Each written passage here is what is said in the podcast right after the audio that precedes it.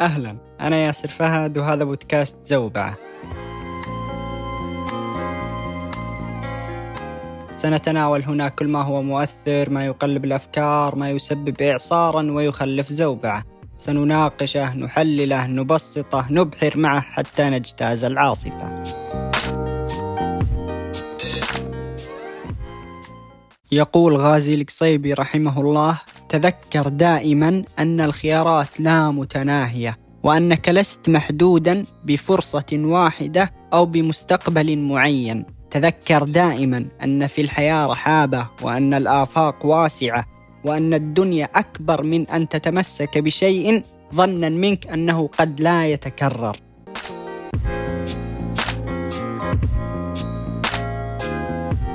طبيعي أن التوازن عندك يختل لمدة من الزمن. الآلات تتعطل فما بالك بالبشر اللي يتعرضون بشكل مستمر لظروف خارجة عن الإرادة.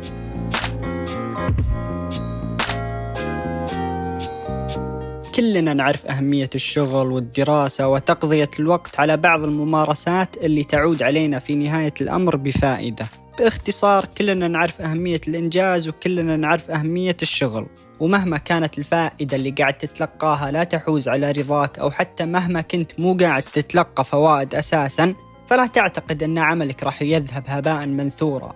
ترى بعض التجارب ما يبين أثرها مباشرة. أثرها راح يتضح معك بعد سنة سنتين أو حتى ثلاثة سنوات. بوقتها راح تحمد الله وتشكر نفسك لأنك استمريت في يوم من الأيام. لأنك استمريت رغم عدم وجود نتائج مرضية. ومهما أخفقت لا تبدأ تلوم نفسك وتجلد ذاتك. انتبه لا يستحوذ عليك شعور أنك فاشل وغير قادر. وفي كل مرة يراودك هذا الشعور أبيك تتذكر معاي هذا الاقتباس. لأني أنا برضو على الصعيد الشخصي ياما وياما عزيت نفسي في قراءة هذا الاقتباس. وبالفعل أجد أنه حقيقي ويثمر دائما معي. الفشل نجاح مؤجل. ومعناته أن التجربة اللي فشلت فيها اليوم راح تستفيد منها في تجارب قادمة لأنك ما راح تكرر أخطائك وعدم تكرارك لأخطائك قد يقودك إلى نجاحات كبرى. بالتالي لا تندم ولا تندب حظك على أي تجربة مهما كنت تعتقد في ظاهر الأمر أنها في غاية السوء. الشغل، الدراسة، ممارسة الهوايات. أنا أشوف أنها ضرورة في حياة كل إنسان وبعيدا عن فوائدها الكثيرة وبعيدا عن مدى صقلها لشخصياتنا وتطويرها لنا في عدة جوانب إلا أنها أيضا تحمينا. إيه نعم تحمينا. بذكر لكم اقتباس وبعدها بقول لكم من إيش تحمينا. يقول الاقتباس النفس إذا ما أشغلها صاحبها بالأشياء انشغلت بالأشخاص وهذا أسوأ ما يتورط به الإنسان. لذلك فهي تحمينا من تسول العاطفة من الآخرين. الشخص المنغمس في عمل معين ما راح يكون عنده وقت حتى يركض وراء الآخرين ويطلب عاطفتهم. على عكس الشخص المصاب بالفراغ تلاقيه دائما يحاول تكوين أكبر قدر من العلاقات حتى يملؤون له وقته. عشان أكون صريح معكم إيه نعم العلاقات في حياتنا لابد منها. ولكن لا تخليها أولوية لا تخليها في مقدمة الأشياء اللي تسد فراغك. صحيح في كثير أشخاص يحبونك ومستعدين يواسونك ويدارونك أثناء حزنك. صحيح في أشخاص تمضية الوقت بجوارهم في غاية الروعة. ولكن تأكد يا عزيزي المستمع أنهم مو دائما متاحين لك. اليوم يمكن تلاقيهم لكن بكرة لا ما تدري. هم يحبونك صحيح ولكن لا تنسى أيضا أن عندهم حياة خاصة تتطلب منهم الالتفات لها. عندهم مشاغلهم عندهم مشاكلهم عندهم ألف حاجة وحاجة قد تلهيهم عنك. لذلك حاول تلتهي بأي طريقة كانت مارس الهوايات اللي لك شغف فيها انغمس في أي شيء تحبه. يا أخي تعلم أشياء جديدة بعيدة عن تخصصك ولكن لا تجعل اهتمامك الأول هو البشر لأنه بصراحة ما حد فاضي يدريك 24 ساعة. والآن أصبحنا ندرك أهمية الانشغال وأدركنا حقيقة أن عدو الإنسان الأول هو فراغه. ولكن هل هذا الكلام يعني أنك لازم تكون منجز في كل أيامك؟ هل المقصد هو أنك تكون منشغل في كل لحظات يومك؟ بالطبع لا أو مليون لا.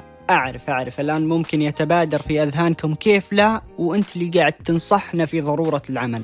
بجاوبكم وبكل بساطة لا لأن الشيء إذا زاد عن حده انقلب ضده. وعشان أبسط لكم الموضوع أكثر بعطيكم مثال سريع.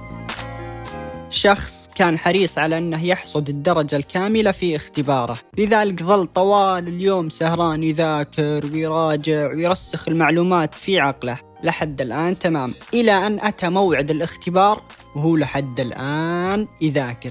بالتالي اضطر إلى أنه يذهب للاختبار مواصل وصل إلى القاعة استلم الورقة سمى بالله وكتب اسمه. وهذا كان آخر شيء يكتبه على ورقة الاختبار. هنا وقع في المشكلة لأن المعلومات تطايرت معلومة تلو معلومة. تشتت هذا المسكين وسلم الورقة وهي تخلو من الإجابات اللي ظل طوال الليل وهو يحفظ فيها. والسبب هو لأنه ما منح نفسه الراحة الكافية. تيقظ هذا العقل وعدم إراحته في النوم تسببت في نتيجة عكسية. وهذا بالضبط اللي راح يحصل لكم في حال أرهقتم أنفسكم. تذكروا أن لعقولكم ولأجسادكم عليكم حق. إذا ما منحتموهم الراحة الكافية راح يخذلونكم في نهاية الأمر.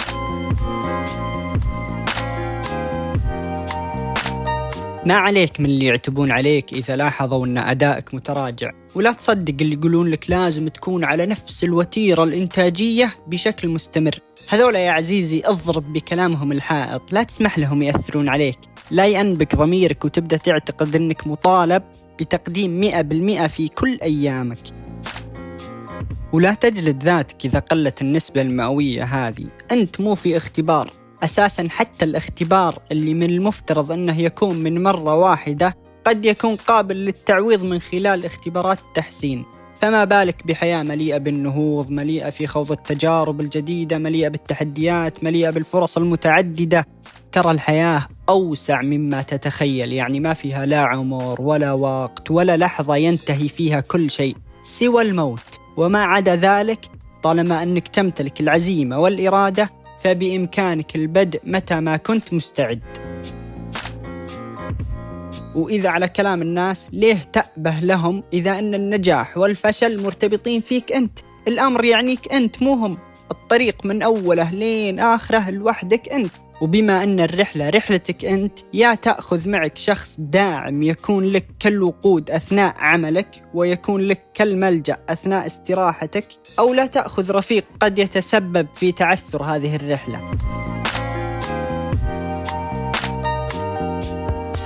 اللي أبيك تعرفه طبيعي جدا تنطفئ وتذبل لمعة عيونك. عادي جدا يصيبك الخمول وتفقد روحك المرحة. عادي تفقد حس الإبداع. وعادي يتلاشى شغفك اللي كان يملأ أيامك. طبيعي أن التوازن عندك يختل لمدة من الزمن. الآلات تتعطل فما بالك بالبشر اللي يتعرضون بشكل مستمر لظروف خارجة عن الإرادة. هون على نفسك ولا تضغطها لأن كثر الضغط يولد الانفجار. إذا حسيت بالتعب ارتاح. إذا حسيت أن خطواتك بدأت في الإعوجاج استريح واسترجع قواك. استقرارك النفسي هو العامل الأول لتقدمك. إذا ما حافظت عليه من الصعب أنه يجلب لك نتائج. لذلك متى ما حسيت نفسك غير قادر على المواصلة وقف ولا عليك من كلام الناس. ما عليك من نظرتهم. خلهم يقولون هذا استسلم هذا فقد عزيمته. طنش خذ بريك مستقطع لم شتات نفسك فيه ثم عاود طريقك. تذكر إن ما فيه أحد يلحقك بسلاح ومتى ما توقفت عن الركض راح يطلق النار عليك. والمغزى من هذا الكلام يا أخوان لا يوجد هناك مانع من الانطفاء ولكن احرص على أن لا يستمر هذا الانطفاء طويلا. رتب الفوضوية الحاصلة ثم انهض مجددا. يقول غازي القصيبي رحمه الله تذكر دائما أن الخيارات لا متناهية وأنك لست محدودا بفرصة واحدة أو بمستقبل معين. تذكر دائما أن في الحياة رحابة وأن الآفاق واسعة وأن الدنيا أكبر من أن تتمسك بشيء ظنا منك أنه قد لا يتكرر.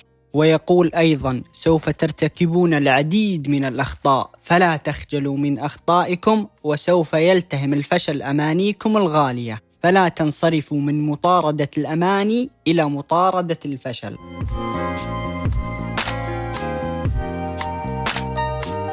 أما الآن فلا نقول وداعا بل نقول إلى اللقاء في حلقات مستقبلية. أتمنى أني كنت ضيف خفيف لطيف على أوقاتكم. كان معكم ياسر في محاولة لفك عقدة هذه الزوبعة. تجدون في الأسفل جميع حساباتي الشخصية مع باقي حسابات البودكاست.